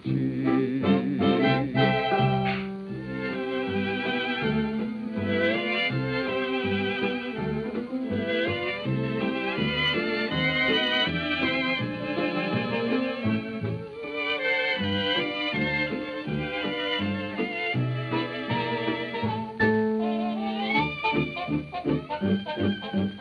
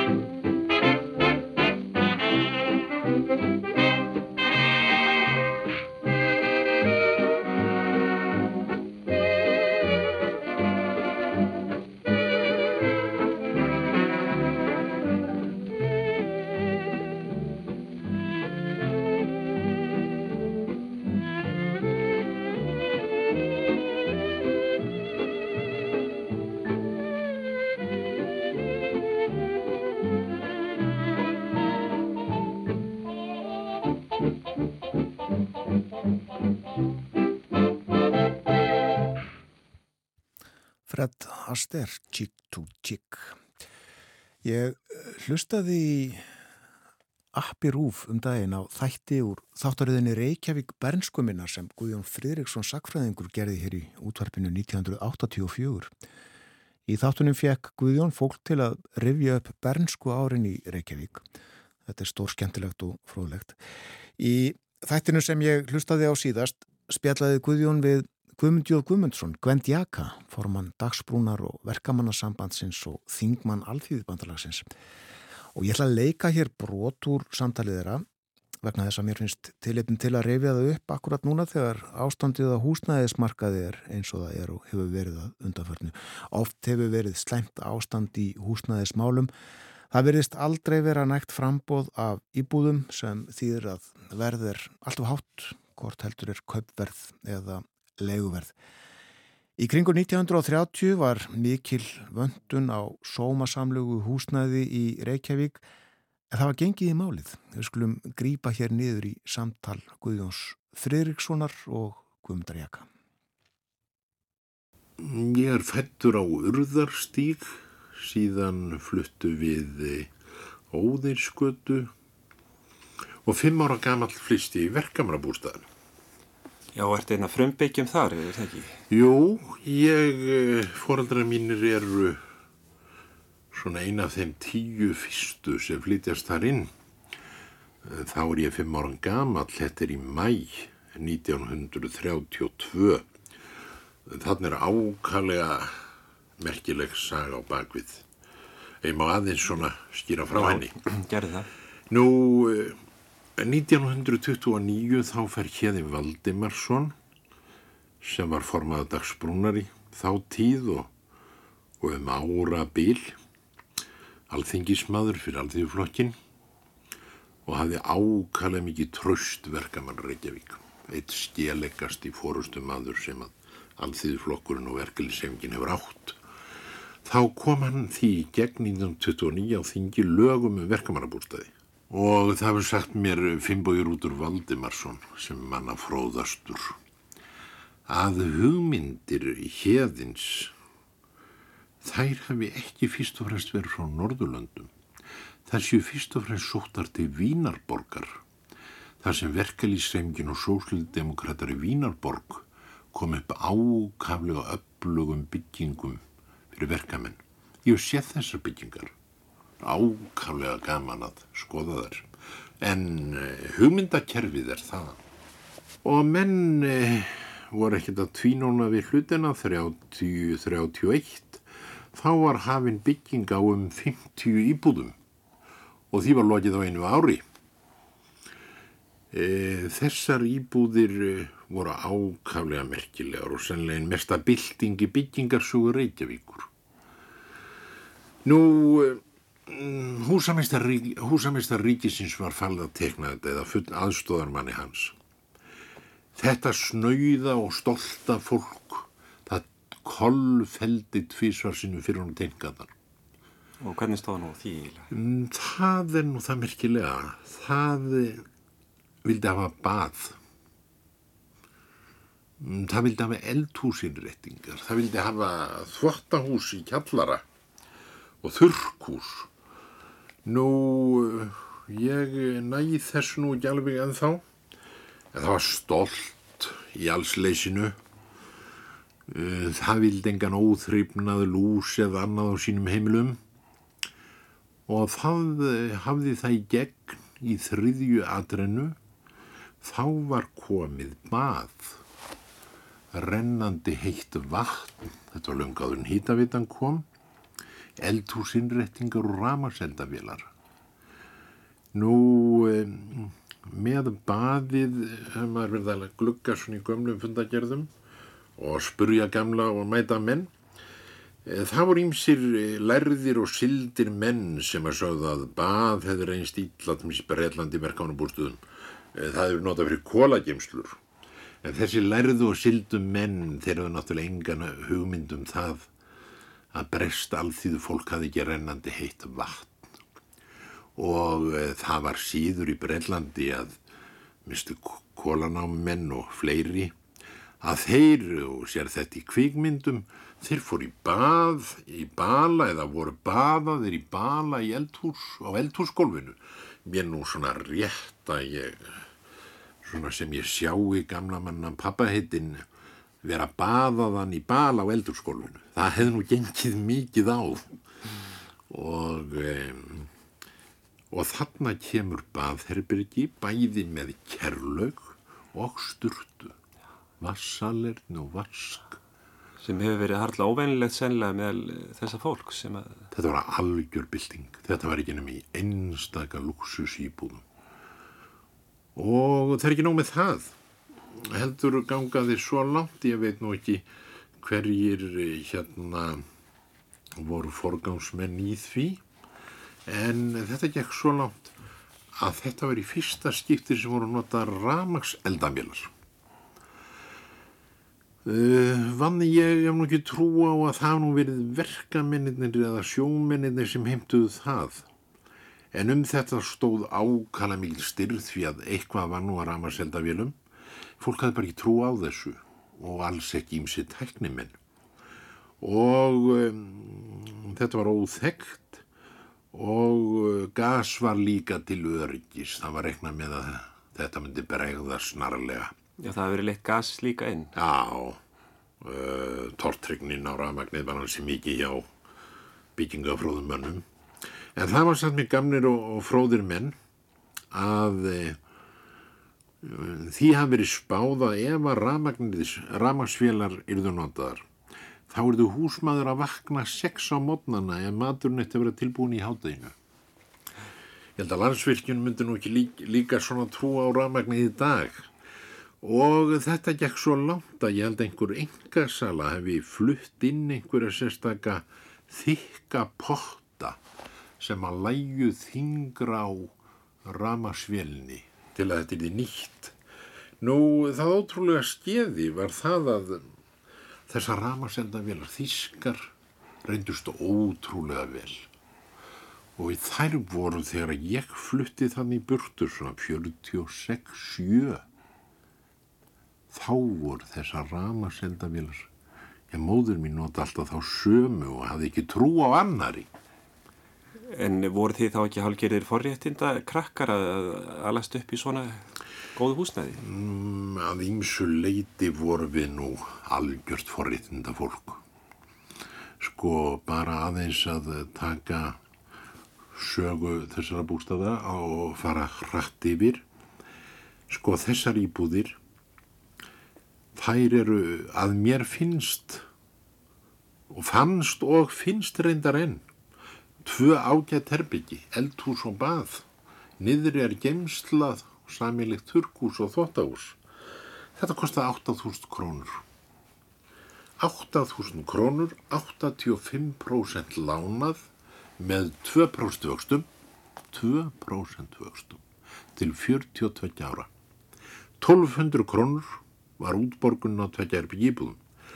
Nú sannleikurinn er sá að þetta voru það góðar íbúðir að það var samfeldur ströymur gesta að skoða þessar íbúðir, skoða baðið, skoða ramaseldavilna, skoða eldhúsinrettingarnar sem þar heimtuð á húsamestara og, og síðan vina fólk, svona góðir vinir voru heiðraði með því að þeir fengi að fara í bað þarna svona einu sinni tvísar þrísar á ári. Þetta var hátileg stund í lífið þeirra, gesta þeir fengi að fara þannig í bað. Hvað heldur hún hafi verið stór í búðin sem þið voruð í? Þessi íbúð er eitthvað um 46 fermetrar og um, fólki þótti þetta að því líku luxu sem það var og það góðar íbúðir. Við vorum þannig fjórir bræður og ég er ekkit minnstur af þeim og um, við sváum þannig öðru herbygginu saman og fór ákallega vel um okkur, ég vildi ekki missa af þessum sameilu kvöldum með bræðurum mínum. Svo var farið að vorkenn okkur þegar vorum konið til tvítugt, mikið geysilega hlítið þetta nú hafa verið erfitt að vera í þessari litlu íbúð. Nú, eh, lífstíl breytist og allt er breytilegt En uh, þegar maður var komin yfir tvítugt, þá var verið að telja maður píslarbótt af al alist þarna upp. En sannleikur var sá að húsakinni þarna, þarna var fjarhítun einu miðstöð fyrir allar íbúðnar. Það var eins og ég sagði 50 og tvær íbúður í fyrsta áfanga, 32, svo var annar áfangi 35 og svo næsti áfangi 37. Það eru 174 íbúðir. Þarna hefur að jafnaði verið svona ekki minni 6 manns, svo leys að þarna hafa verið á annað þúsund manns. Þetta voru algjör forriðnd að búa hann. Ekki ofurseldir leigu, ekki ofurseldir flutningum, en það hrefði sér allan okkur maður. Og ég tala nú ekki um dyrðina með umhverfið og, og félagskapin. Guðmundur Jó Guðmundsson rifið upp þegar verkamanna bústaðinni við ásvallagötu fyrst og svo hringbröð voru restir þarna á árunum upp úr 1930 lán til hvað saðan 42 ára og vextinir 2% og uh, þarna var uh, alls konar lúksus sem fólk hafði ekki vanist áður. Eldavill rennandi vatn og bað. Við hlustum á lag frá þessum tímum, ég held að þetta hefði verið hljóðritað 1935, Patsy Montana, það var endar uh, sviðsnafniðinnar en uh, hún hétt Ruby Rose Bleavis.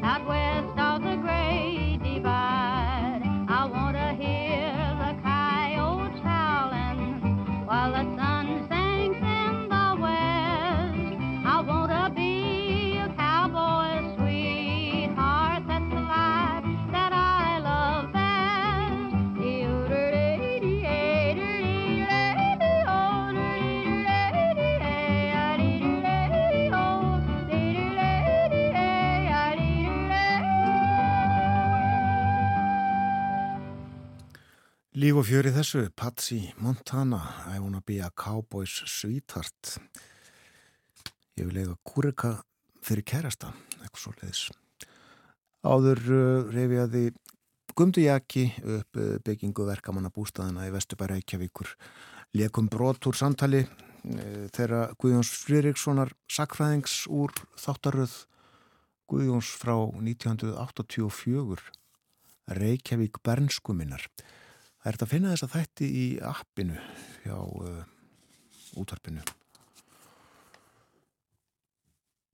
Nýjustu tölur af uh, eldsneitis byrðastöðunni á uh, stöðum Ólís. Ég saði frá þessu hér fyrir morgun, þá voru byrtar á síðu félagsins tölur frá því í gær. En uh, starfsmenn hafa farið um stöðvarnar og uh, stungið prikum ofan í tankana eða hvað er gera til þess að aðtuga hvað er í þeim. Og uh, staðan er breytt uh, það er útlitt fyrir að uh, eldsneitið klárist mjög víða á næstunni. Mikið gullt í þessari töflu ólís gullt þýðir klárast á næstunni. Næstunni reyndar teginlegt huttak ég veit ekki hvað þýðir, hvort það þýðir innan dags eða innan farradaga, hvernig það er En uh, það fyrir að hafa mikil áhrif þessi, þetta verkvall uh, sem að uh, starfsfólk í eblingu er í, hefur nú þegar auðvitað mikil áhrif á hótelunum. En líka á bensinstöðunum, þeir eru jú bílstjórnarnir í oljudreyingunni í, í verkvalli og, og það er reyndar búið uh, bæði bensín og ólíu á sumum ólístöðum. Ólís uh, byrtir hvað ítalegastar uh, upplýsingar um þetta á síðu sinni af ólíufélagunum. En fólk getur skoðað þetta á heimasíðunum.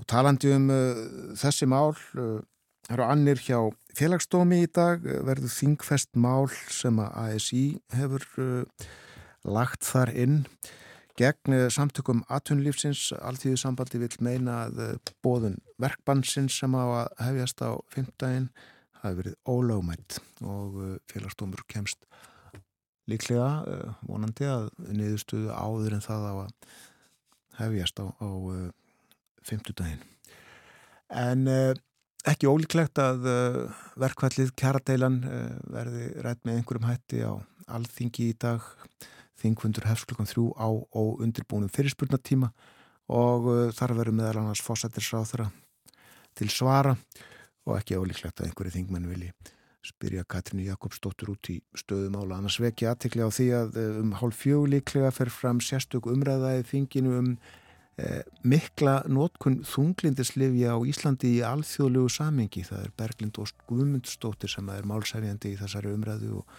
til ansvara verður Viljum Þór Þórsson heilblíðisráð þeirra. En það er komið að loku morgumvaktarinnar í dag. Meðal gesta hjá mér í dag var Harpa Þórsdóttir þjóðminjavörður. Við töluðum um nokkra muni á þjóðminjasafninu til þess að safnið fagnaði 160 ára afmæli sínu um helgina. Og við verðum á svipuðum slóðum í fyrramálið hinga kemur Steinun Kristjánsdóttir forlega fræðingur, hún ætlar að segja okkur frá uh, nýri rannsókn sem hún hefur gert skrifa bók um lífið í klustrunum á Íslandi á miðöldum og uh, áhrif klustrana á samfélagið í landinu. Steinun verður hér half áttaði fyrramálið. Artur Björgun verður líka með okkur, segir okkur frá því sem er efstabau í Þýskalandi, þetta er svona meðal þess sem við fjöllum um í fyrramálið. En ég þakka samfélgina í dag. Njóti dagsins. Verðið sæl.